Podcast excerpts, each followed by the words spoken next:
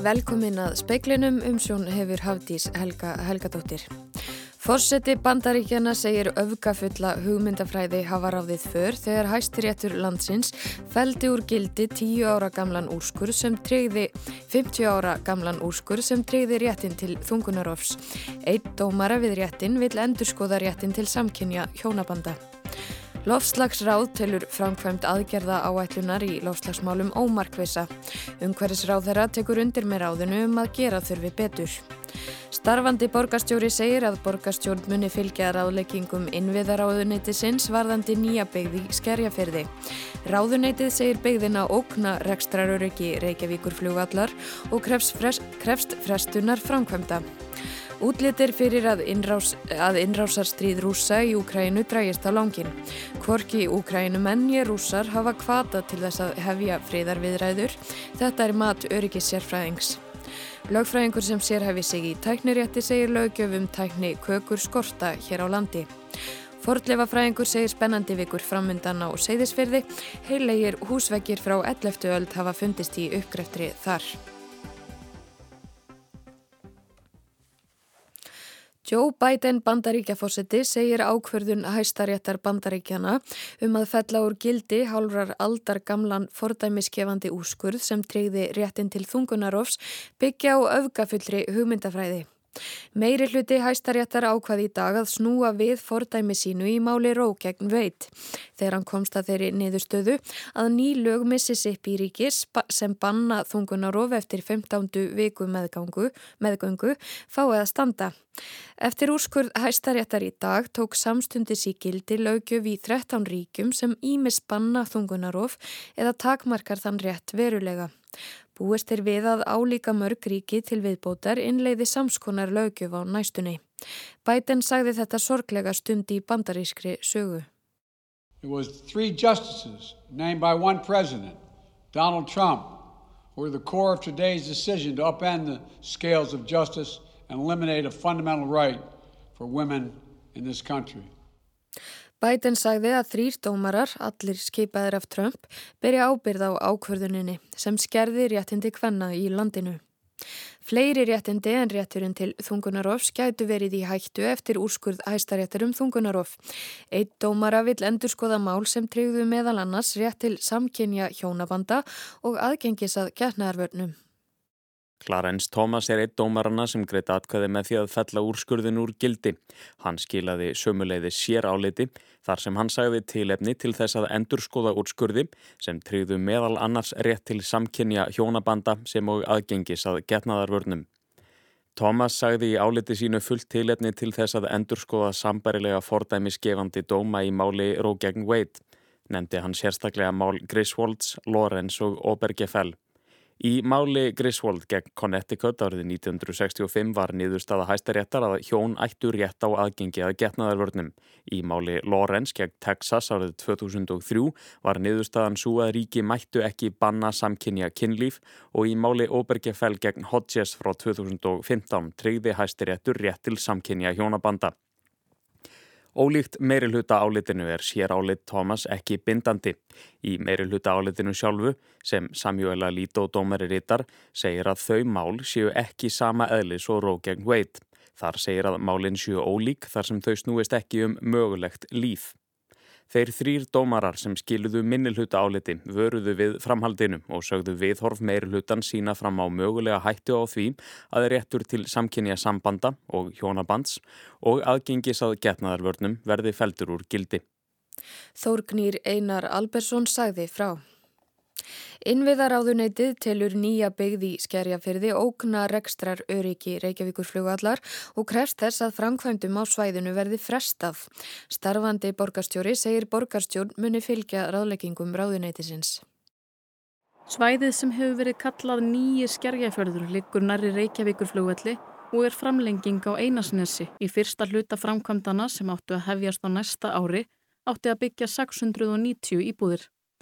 Í brefi sem innviðar á þeirra sendi borgarstjórn í síðustu viku segir að framkvæmdir við byggðina dragi verulega úr rekstraröryggi Reykjavíkurflugvallar. Því hefur ráðunetið skipað starfshóp sérfræðinga sem skilar niðurstöðum 1. oktober. Í brefinu segir það sem er öllu óásættanlegt að farið sé í slíkar framkvæmdir án þess að full kannad sé hvort og þá með hvaða hætti sé tryggt að þær hafi ekki neikvæð áhrif á rekstraröryggi Reykjavíkur Ráðuneytið getur ekki fallist á að framkvæmdirnar hefjist nema sínt sé fram á að flug og rekstraröryggi sé ekki stemt í hættu. Ráðuneytið leggur því þunga áherslu á að Reykjavíkuborg fresti öllum áformum um útlutun lóða og byggingarettar og hef ég engar framkvæmdir á svæðinu fyrir að niðurstaða rannsóknar liggur fyrir. Einar Þorstinsson, starfandi borgarstjóri í fjárveru Dagsby Ekkertssonar, segir borgina ekki meiga við því að missa 690 íbúðir. Nú er ráðuneytið að setja spurningamarki við fyrst mann í þessu brefi undibúningin af þessu og svona í aði að það hefur kannski skort samráð við sérfræðinga í Savia. Hvert er svona þitt mat á því? Já, það uh, samráð, það var náttúrulega unnin, það hafa, það hafa náttúrulega verið unnar tvær skýslur um málið og á því hefur verið byggt. Þau leggja til, þau leggja til að allt verði sett á ís núna. Verður það þannig? Já, sjálfsög. Það, það er búið að útluta tveimur lóðum þarna og þriðja lóðin átti að koma til meðferðar borgarás á síðasta fundi. Uh, því var frestað í ljósi afstöðu ráðanættisins og það er eðlilegt að vinna málið áfram í þeim farvegi sem að það hefur verið sett í. Eh, þessi starfsópur á að skila af sér fyrsta oktober og við tökum þátt í starfi hans og vonumst eftir því að, að vinna gangi greiðilega. Er inn í myndinni að þessi framkvæmd er það alfarið blásin af? Ég vona ekki. Ég vona að það verði hægt að byggja þarna fallet hverfi sem að þjónar þessum hópum sem að er í sári neyð eftir húsnæði um leið að tryggja rekstarar öryggi flugvallarins sagði Einar Þorsteinsson. Óluf Rún Erlendstóttir ræti við hann. Markmið íslenskra stjórnvalda um samdrátt í losun gróðurhúsaloftegunda fyrir 2030 eru óljós og ófullnægjandi að mati lofslagsráðs sem kallar eftir því að þau verði útfærð nánar. Umhverfisráð þeirra er sammálaráðinu um að gera þurfi betur. Ég tek þetta bara eh, það úr þessu sem að ég nú verið að tera skoðunar að við þurfum að gera betur. Ég er bara sammála loftlagsráði, ég er til mikilvægt að hafa loftlagsráð og eh, við munum eh, styrkja þá eflat þannig að það getur sinn sínu hlutverki sem er mjög mikilvægt. En stóra merkefni er þetta, á næstu 8,5 ári þá þurfum við að, eh, já við þurfum að, að virkilega að gefa í því að við þurfum að minka losunum 1,3 miljónir tonna af CO2. Sömulegist þá þurfum við að hugsa þetta í öll okkar verkum, hvort sem að það eru stjórnvöldið aftöngum og sveitafélög og við þurfum að vinna mjög vel saman í þessu og það er það sem við erum að gera. Saði Guðlaugur Þór Þórðarsson, Svein Ólafur Melsteð rætti við hann. Heilegir húsveggir frá 11. öld hafa nú fundist í fordlefa uppgreftri á Seyðisfyrði. Skriðar sem fallið hefur um árið 1150 lagðist upp að veggjum húsa við landnámsbægin fjörð svo vegginir hafa varðveist vel. Ragnheður Traustadóttir, fordlefa fræðingur, segir spennandi vikur framundan í uppgreftrinum sem sé umfangs mikill. Það er komið bara fjöldin allra af mannvirki með húsum sem að virðast vera undir skriðinu frá 1150. Þannig að það er bara mjög spennandi uh, það sem við erum byrjuð að sjá en, en það er ekkit ennþá alveg komið ennþá svona alveg fram en, en þetta er bara verða spennandi viku núna framöndan. Tilstendur að reysa þarna varnargarða vegna ofanflóða og því liggur á að grafa upp minjar sem þarna leynast. Þetta er þriðja sumarið sem fordlega fræðingar er á störfum á svæðinu. Í fyrra voru grafnar upp ýmsar minjar, allt frá landnámsminjum til minja frá síðustu öld.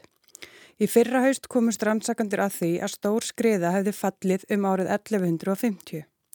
Undir henni fundust fjögur kuml. Þetta segir Ragnhauður hafa breytt forsendum aðeins fyrir sumarið í ár. Því fari var að kannasvæðið undir skriðunni nánar. Og það sem er kannski svona áhugaverðast núna er að skriðan virðist sko ekki hafa skemmt þessu hús, heldur hefur hún verið kannski búin að vera að missa allan uh, hérna, skriðþungan þegar hún komið þarna undir, undir bæin, heldur bara lagst upp með torveggjónum og, og hlýðunum og við erum bara að fá hérna fram uh, óvinnu heilega torveggi. Sæði Ragnhjörður Traustadóttir, Ástallín Magnúsdóttir talaði við hana. Sagt var frá því í speklinum í gær að apotek og heilbreyðis fyrirtæki í Svíþjóð hafi um árabil deilt personulegum upplýsingum um viðskiptafinni með Facebook án samþykkis eða veitnesku fólksins. Getum við átt von á sambærilegum málum hér á landi? Elfur Logadóttir, lögfræðingur sem sérhæfir sig í tækni rétti, segir aðstæður bjóða upp á það. Neytendur hér á landi njóti ekki sömu verndar og í Evrópusambandinu þegar að kemur að öflun personu upplýsinga á netinu. Við erum með floknar lagaumhverfi í því að það er óskýrara það er við höfum verið að fylgja Evropasambandinu og reglusetningu Evropasambandsins undarfærin uh, 30 ára náttúrulega með, með tilkomu uh, ES-samningsins og fyrir mestu leiti höfum við þar leiti tekið upp lögjöf sem að snýra þessum efnum og ættum að heita að vera með sömu lögjöf og í Evrópu. Svo gerist það stundum vegna að eðli ES-samningsins að einstakka tilskipanir eru ekki teknir upp vegna þess að þær eru hlut af pakka sem ágreiningur um sem, sem aðeila telja að fari í rauninni gegn stefnu eða eðli ES-samningsins og einmitt það sem kallað hefur verið cookie directive sem er í rauninni heil tilskipun sem aðalega fjallar um þessar teknikökur og að stýringa þessar teknikökum og ná betur utanum samþykki og framsetningu og heimild og notkunn þeirra og það allt saman. Hún kom, kom aldrei inn í e-samningin vegna þess að hún var hlut af pakka, fjarskipta pakka sem breytti reglverki á starri máta sem hafði áhrif þarna. Hlýðar áhrifin eru við njótum ekki þeirra verndar sem svo tilskipun setti á þessu sviði það þýðir að af því þú spurðir er þetta betra Íslandi heldur en í, í, Evrópu? Svarið er nei vegna þess að það er minni upplýsingaskilda á Íslandi heldur en í Evrópu. Aðilar geta gert meira án þess að láta vita af því. Ekki það, þeir eiga aldrei að setja sko, Facebook Pixel eða Google Analytics kökur eða aðrar Google kökur. Aldrei án þess að láta vita af því aldrei án þess að sækja samþykki en svo er það hinhandleikurinn er að eiginlega allir hlaða upp kökunni á síðu á semst vél uh, notendans, láta hann vita því með einhvers konar borða um að þetta hafi verið gert þetta er í, í svona óræðum texta við notum kökur, þannig að við ítum að taka bara láta mig vera og ekki spyrja mig aftur Já. og í þessu, þessu ferli koma þeir fyrir kökunum, alveg sama hverju þau svarar og þá eru þeir oft búinir að koma fyrir kökunum og búinir að senda grunnupplýsingarnar til Facebook áður en að jafnvel einstaklingun hafnar, hafnar notkun á, á þessum kökum og stundum tæknilega er þeir ekki fjarlæðar. Tæknikökur, vefkökur, smákökur. Þetta kannar hljóma sakleisislega, jável krútlega, en friðhelgis stillingar tengdar þeim geta skipt sköpum þegar að kemur að því að vernda okkar viðkvæmustu persónu upplýsingar. Tæknikökur er bara svona lítið skrá sem að vefsíða kemur fyrir á tölfunniðinni og nú er ég að tala um ofbúslega einfaldri mynd og ef að miklu tækninörður að hlusta á mig þá er þetta bölsóta alveg, ég er að reyna, það er einfaldið að velta bara lítil skrá og, og í hvert skipti sem þú ferða okkur af vefsíðu sem hefur heimil til að tala við þessa skrá þá er ímist sko, upplýsingar settur ofan í skrána eða lesnar úrinni til hérna einhverja þriði aðila. Og það, sem gerist er að bara um leiðað og hliðinni í síðinni þá kemur þetta og síðan er það þá þetta að reglan á Íslandi er að sagt, þú mátt þetta ef þú upplýsir notendan um það. Og þá segja vefsíðunar bara við notum varakökur. Og allir bara já, já, whatever. Og þannig er það bara afgreitt. En það, það er ekki látið fylgja með hvaða kökur er þetta, hvert faraðar og hvað gera þær. Sem að í rauninni væri staðan ef við hefðum innleitt þessa tilskipun sem að Evropasambandi setti þarna fyrir tíu árum síðan. Og þetta hefur þar afleiðingar í rauninni að þau bara þessu hlaði niður án þessi rauninni það er ekki verið að sækja um leifi það er bara verið að upplýsa um þetta. Og svo hefur þau möguleikana til þess að hafna þessu. Og þá oft þarf þú að fara í handverkar aðgerið til þess að eigða kökunni út. En líka ef þú eigðir henni þá eigður þú líka upplýsingunum um höfnunina Þetta getur verið mjög flókið í framkvæmt, þetta getur verið mjög flókið í útværslu og það þarf alveg miklu betri stýringu á þessum hlutum og teknilega afgreðslu á þessum hlutum heldur en er í dag. Þannig eru viðkvæmar persónu upplýsingar að komast í hendunar á stórfyrirtækjum. Hver, hver er ábyrg stórfyrirtækjana á að safna þessum upplýsingum og hvað þau gera með þær? Ha, það er stórtið spurt. sko ábyrgur aðili væri ekki að safna svona miklum upplýsingum. Á hinbógin er, þetta eru fyrirtæki, þetta eru stórfyrirtæki sem starfa í bandaríkjónum, þar sem að rétturinn til persónvendar er bara miklu minni. Réttur til persónvendar snýr fyrst og fremst að ríkinu og enga fyrirtæki þau, þau í rauninni hafa heimil til að gera það sem sínist. Uh, almenna persónuvenda reglugerðin, þessi evrópska GDPR-reglugerð, svo kalla það, hún er að reyna að stemma stigu við þessu, hún er að reyna að taka á nákvæmlega þessu og það er verið að sekta Google og Facebook aftur og aftur núna undanfærin misseri út af meðal annars notkunn og teknikökum en líka öðrum ástæðum til þess að reyna að stemma stigu við þessi söfnum persónu upplýsinga og að minnst að kosti skikka þessi fyrirtæki til þess að, að upplýsa notendur sína betur um hvaða upplýsingu þeir eru að sapna og í hvaða tilgangi. Súreglugerð eins og áður hefur komið fram nær ekki til Íslands. Í tilfelli sænska apoteksins var ekkert upplýst samþyggi til staðar. En þó neytandin haki við reit sem minnist á vefkökur segir elfur ábyrðin að liggja hjá þeim sem upphaflega tekur við persónu upplýsingum viðskiptavina. Þeim berið að tryggja að þær upplýsingar komist ekki í rángar hendur. Það er alltaf þannig að sá aðili sem ákveður að taka við upplýsingunum hvert sem upplýsingarna fara, það er ábyrðar aðili vinslunar og hann ber alltaf ábyrð á að upplýsingar séu notaður í réttum tilgangi. Ef að, að við hugsaum aftur bara litla sænska apotekið, við tökum það bara áfram sem dæmi, litla sænska apotekið sem að, kannski ekki svo lítið en, en selur sem sagt sko fullt af einhvern og er bara að hugsa um sína sænsku viðskiptafinni, sko væntanlega hefur tilgangurum við því að koma pixlinum fyrir, tilgangurum hefur verið markaslegur, bara gott að sjá, gott að vita. Þú veist, að þú síndir þessari vöru áhuga ég get þá saltinu eitthvað meira nákvæmlega þessari vöru eða sambarlegum tengdum vörum setna, þér það vinum þínum og það er bara gott og það hefur áhrif að, það er bara gott fyrir markasettinguna, það er gott fyrir söluna á vörunni, þetta er fallega myndin sagt, sko. en þú áttar ekki á því að í leiðinni ert að senda og Facebook nota þetta í profíl um, í miklu starra mengi og þetta er svona eitt af náttúrulega miljón tikkum sem, sem að gera profílinn þinn í, í hjá Facebook. Það nákvæmlega hver þú ert er sko skapað af öllum þeim vefsíðum sem þú er heimsókt, öllum þeim lækum eða hjörtum eða reyðuköllum eða eitthvað svo framvegi sem þú sem þú þessi, rauninni notar á Facebook. Það gerir profílinn þinn. Þeir geima allt og þeir nota allt segir Elfur Lógadóttir lögfræðingur.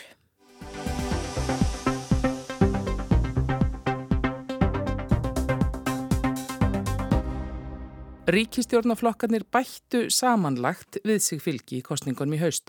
Það hefur ekki gerst í 30 ára á Íslandi.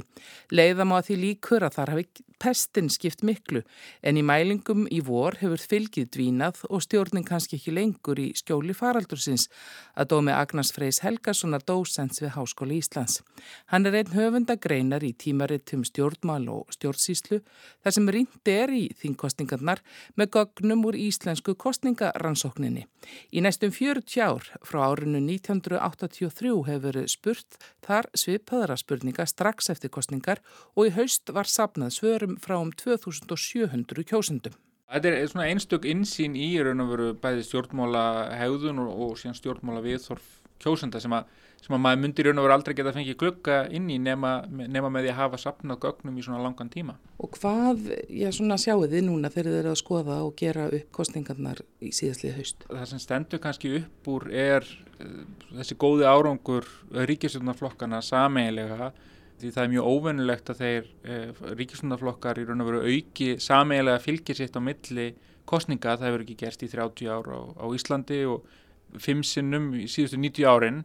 Og þar náttúrulega hefur ríkistjónin notið góðs af góðum árangur eða mikill ánægi með árangur í, í, hérna, eh, í að eiga við heimsfaraldurinn. Og ekki síður því að svona, þegar við förum yfir þau málefni sem að skiptu kjósundur máli að þá voru kjósundur svona mjög ofta allavega töldu ríkistundaflokkana að vera best til þess fallna að vera með bestu stefna í, í þeim álflokkum. Í byrjun júni mæltist stuðningur við ríkistjórnuna 44% í þjóðarpúlsi Gallups. Það er á pari við hennar lækstu mælingu sem var í desember árið 2018. Kanski má segja að það að stjórnin sé ekki lengur í, í skjóli af COVID-faraldrinum út af því að við sáum það að, að það átti að sé stað svona mikil aukning og stuðning við stjórnvöld í raun og veru alls þar í heiminum í kjölfar þess að heimsfaraldurinn braust út en núna er það einhverju leita að ganga tilbaka og, og það má kannski velta fyrir sér að hver miklu leiti COVID-19 í raun og veru treyði þetta fylgi stjórnarinnar. En núna þegar þau áhrif veru farin að, að dvína þá kannski svona sjáum við í raun og veru hver raumurulegi stuðningurinn er. Agnar segir það ekki svo að fólk telja alltaf þann flokk sem það kýs hafa bestu stefnuna í öllum málum. Í allavega þessum vegamestu málflokkum þá eru tilteknir flokkar sem að í raun og veru svona, er ákveðin samhljómur meðal kjósenda að eigi í raun og veru sem að verið komast eh, við komandi málaflokk.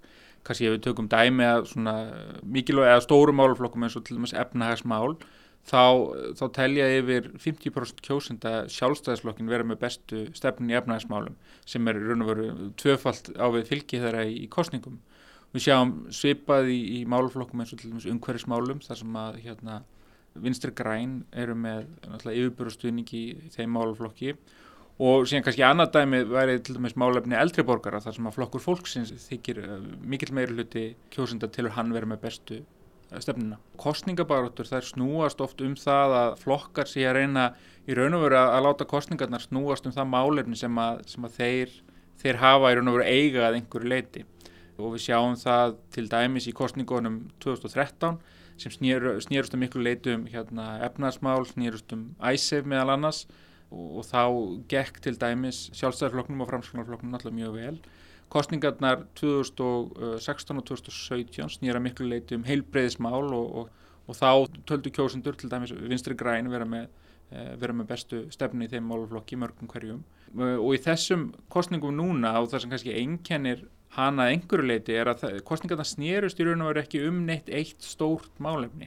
Við spyrjum uh, svarendur hvað, er, hvað var mikilvægasta málefni kostningana og það sem við höfum áður séð er, er, er mikill samhljómur með, um eitthvað tiltekki málefni en að þessu sinni það voru í raun og veru bara svona mörg málefni sem að, sem að voru svona jafn mikilvæg þannig séð. Spurt er um traust til stjórnmálamanna og ánægju með líðræði í rannsókninni. Við sjáum 2009, þá sjáum við mikla dífu í báðum þessum mælingum. Kjósundur eruðu fyrir óanæðir með hvernig líðræði virkar og hins vegar svona talsveit meira vantraust í gard stjórnmálumanna. Það sem við höfum hins vegar séð frá þeim kostningum er svona jæmt og þétt hefur bæði traust og ánæði með líðræði verða aukast og er að einhverju leiti komin á, á sama stað og var fyrir hrun sem að segir okkur að einhverju leiti að, að kannski, stjórnmálin eru að, eru að komast kannski eftir í svona eitthvað svona jafnvægis farveg. Fyrir hrun var lítill munur eftir flokkum á trausti kjósenda til kervisins. Það hefur breyst. Nýjir flokkar, stundum nefndir áskorandaflokkar, sækja fylgi til þeirra sem vantreista kervinu, segir Agnar. Við spyrjum fólk hvaða kaus í kostningunum á, á undan þessum kostningum og, og erum þannig að reyna að meta flokkaflakkið. Maður þarf nú alltaf að vera með ákveðin fyrirvara þegar maður fjallar um þetta því minni fólk, fólk sé nú alveg svona misjant með hvaða gerði fyrir fjórum árum. Svona samkvæmt þessum gögnum þá voru um 45% kjósenda, tæpur helmingur sem að skipti um flokk á milli, e, milli kostninga og það er eh, örlíti minna heldur en hefur verið í síðustu kostningum þar og undan en er hátt í, í sögulegu samhengi. Bæði er það náttúrulega eitthvað sem er að eiga sér stað alþjóðlega og Íslandi að kjósendur eru ekki lengur í raun og veru ja, fastir í, í sínum hérna, kamp ef svo má segja það er orðið meira flokkaflakk en flokkaflakkið á Íslandi er enþá í kostningunum 2021 er enþá meira heldur en það hefur verið sögulega á Íslandi eh, og líka meira heldur en það er eh, í svona löndun sem við börum okkur oft saman við. Töluverður munur er á hotlustu kjósendaflokkana. Kjósendur sjálfstæðisflokksins skera sig þar úr. Og kannski er ekkert að fara að kjósa annan flokk. Sjálfstæðisflokkunum fær kannski stuðning 20-25% kjósenda sama hvað í raun og veru fara ekkert mikið lægri en það en fara þá ekkert mikið herra heldur eh, allavega með við núverandi árferði. Síðan eru aðrir flokkar og þá eru kannski svona þessi flokkar sem eru á vinstri vagnum gott dæmi um það, samfélkingin, píratar og vinstri græn hafa verið það kjósendur eru meira tilbúinur að fljóta á milli flokkana eftir því hverjum þau treysta best hverju sinni. Þeir flokkar eru kannski með svona mun tegjanlegri eh, fylgi milli kostninga, geta farið náttúrulega mjög lágt eins og samfélkingin til dæmis 2016 sem fónir í rúm 5% en geta þá líka farið frekar hátt ef þeir ná að hitta kannski á svona rétta taktin. Sagði Agnar Freyr Helgason, Anna Kristín Jónstóttir talaði við hann.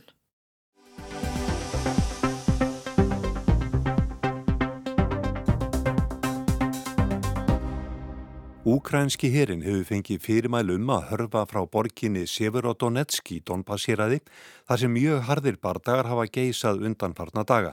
Borgin er í rúst og mannfall meðal almennra borgara og báðum herjum mikið. Rættið verið um að fall Severodonetsk geti valdið strömmkörfum í innrásarstríði rúsa í Ukrænu. Speillin fekk Albert Jónsson fyrverandi sendiherra og sérfræðingi í örgismálum til að leggja mat á stöðuna í Ukrænu. Þetta þýðir ekki hins vegar að talið er að rússar séu einhvers konar sigubraud núna í Úkrænustríðinu í, í kjölfar þessa þó árangurs í, í austurlutanum og það er líka talið árangurinn sem þeir hafa þóna á það að hann séð þeim alls ekki að kostnæðlösi þegar það vorði fyrir miklu hergagnatjóni og áframhaldandi verulegu manntjóni. Annar staðar sko sem stríðu er þó í gangi áfram, þannig í suðvestri að þar hafa þeir grafið sér niður í varnarstöðu þannig að þeir eru augljóslega búinir að gefast upp á því markmiðinu skoðst í bráð að taka Hafnaborgina og þessu en á móti kemur, sem ekki glema því þeir ráða afgangnum af Svartahafströnd Úkrænu þannig Úkræn er orðið landlugt ríki og síðan er rúsneski flotin þarna fyrir undan, undan ströndunum. Þannig að Úkrænar eru að sjálfsögðu í afar veikri stöðu. Efnahagurinn er í rúst Úgrænarnir eru ekki að fara að reka rúsa af höndum sér, það held ég sé með ég alveg fullir að. Hvernig sér þið fyrir þér bara næstu vikur og mánuði? Það eru vanga veldur um það, er einhver grundvallur að verða fyrir fríðaviðræðum í ljósið þess meðal hans að báðum aðlun gengur nú ekkit sérstaklega vel, það fyrir bara til hvernig á það litið. En það eru ef að semdur um það. Rússar hafa auðvitað ekki ennþá klárað Donbass, að leggja allt Donbass hér að og þeir muni líta svo að það þurfu nú minnstakosti það til þess að kynna þetta sem einhvers konar sigur heima fyrir. Þannig að það er líklega ekki hvati ennþá fyrir rústin stjórnvöld að fara í einhverjar, amsúst ekki alvarlega viðræður og hvað úkrænumennina var það þá er auðvitað einu viðræðuna sem til greina kæmi fyrir þá að þessu stígi myndu snúast um eftirgjöfa þeirra hálfu, láta hendi landsvæði undirgangast skuldbindingar um hlutleysi og þessar kröfur sem rússan hafa haft uppi hvað það var það. Þannig að maður myndi halda á það virðist fyrir algengskoðuna að hvorur aðili sé komin á það stiga að, að hugsa sem svo já það er betra fyrir mig að hætta en halda áfram og það er nú yfirleitt fórsöndu fyrir því að styrjaldun loki nema þetta annar aðili vinni algjörðan sigur en það er heldur ekki útlýtt fyrir það. Áhugi alltíðaðs samfélagsins á þessum atbyrðum hefur hann dvínað núna undan höfnum ykkur?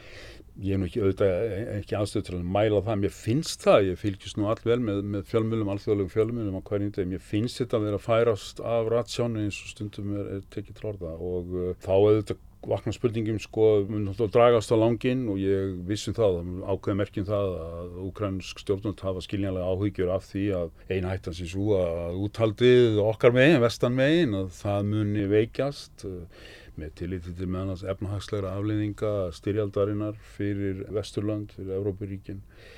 Anna líka skulum vuna sko að þau horfum átökinn dragast á langin eins og allt bendir til að rússar þó þeir séu vandraðum aðalega þó með, með mannskap og þó þeir hafi farið rústinski hernir hagför í þessu stríði þá eiga þeir að tali þeir ennþá mjög mikið af skottværum og séu með markvalda yfirburði á lagari sem orði komast yfir Úkrænana en auðvitað Úkrænandi fá mikið stuðning frá NATO og fleiri ríkjum og um, eru núna nýlega búinir að fá mjög öfluga græur frá bandaríkjónum en þeir segja sjálfur þurfa miklu meira þannig að tímafaktorinn uh, fyrir þá, hann lítur að ljóta vakna áhyggjur hjá þeim að hvað halda NATO-ríkinn þetta lengi út mm. En hvað halda rússar lengi út? Bara efnaðarslega?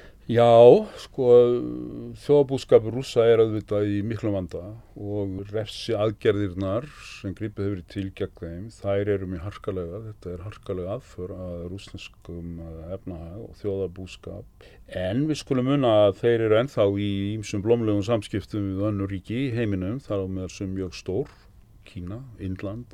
Það er oft bent á það að rússar í þeirra sögu og menningu það er mikið úttalt, þeir eru tilbúin að leggja ímislegt á sig og bara enn og aftur eins og marg oft er bent á ekkert sem bendir til þess að Putin fórsiti reyði til fals í Kreml og að ekkert sem bendir til þess að samstafan um þetta stríð í Rúslandi sem virðist vera og hún sé að bila auðvitað hafa stjórnvöld mikla möguleika til að áhrif á þessa samstöð og umræðuna og upplýsingaöflun og upplýsingagjöf.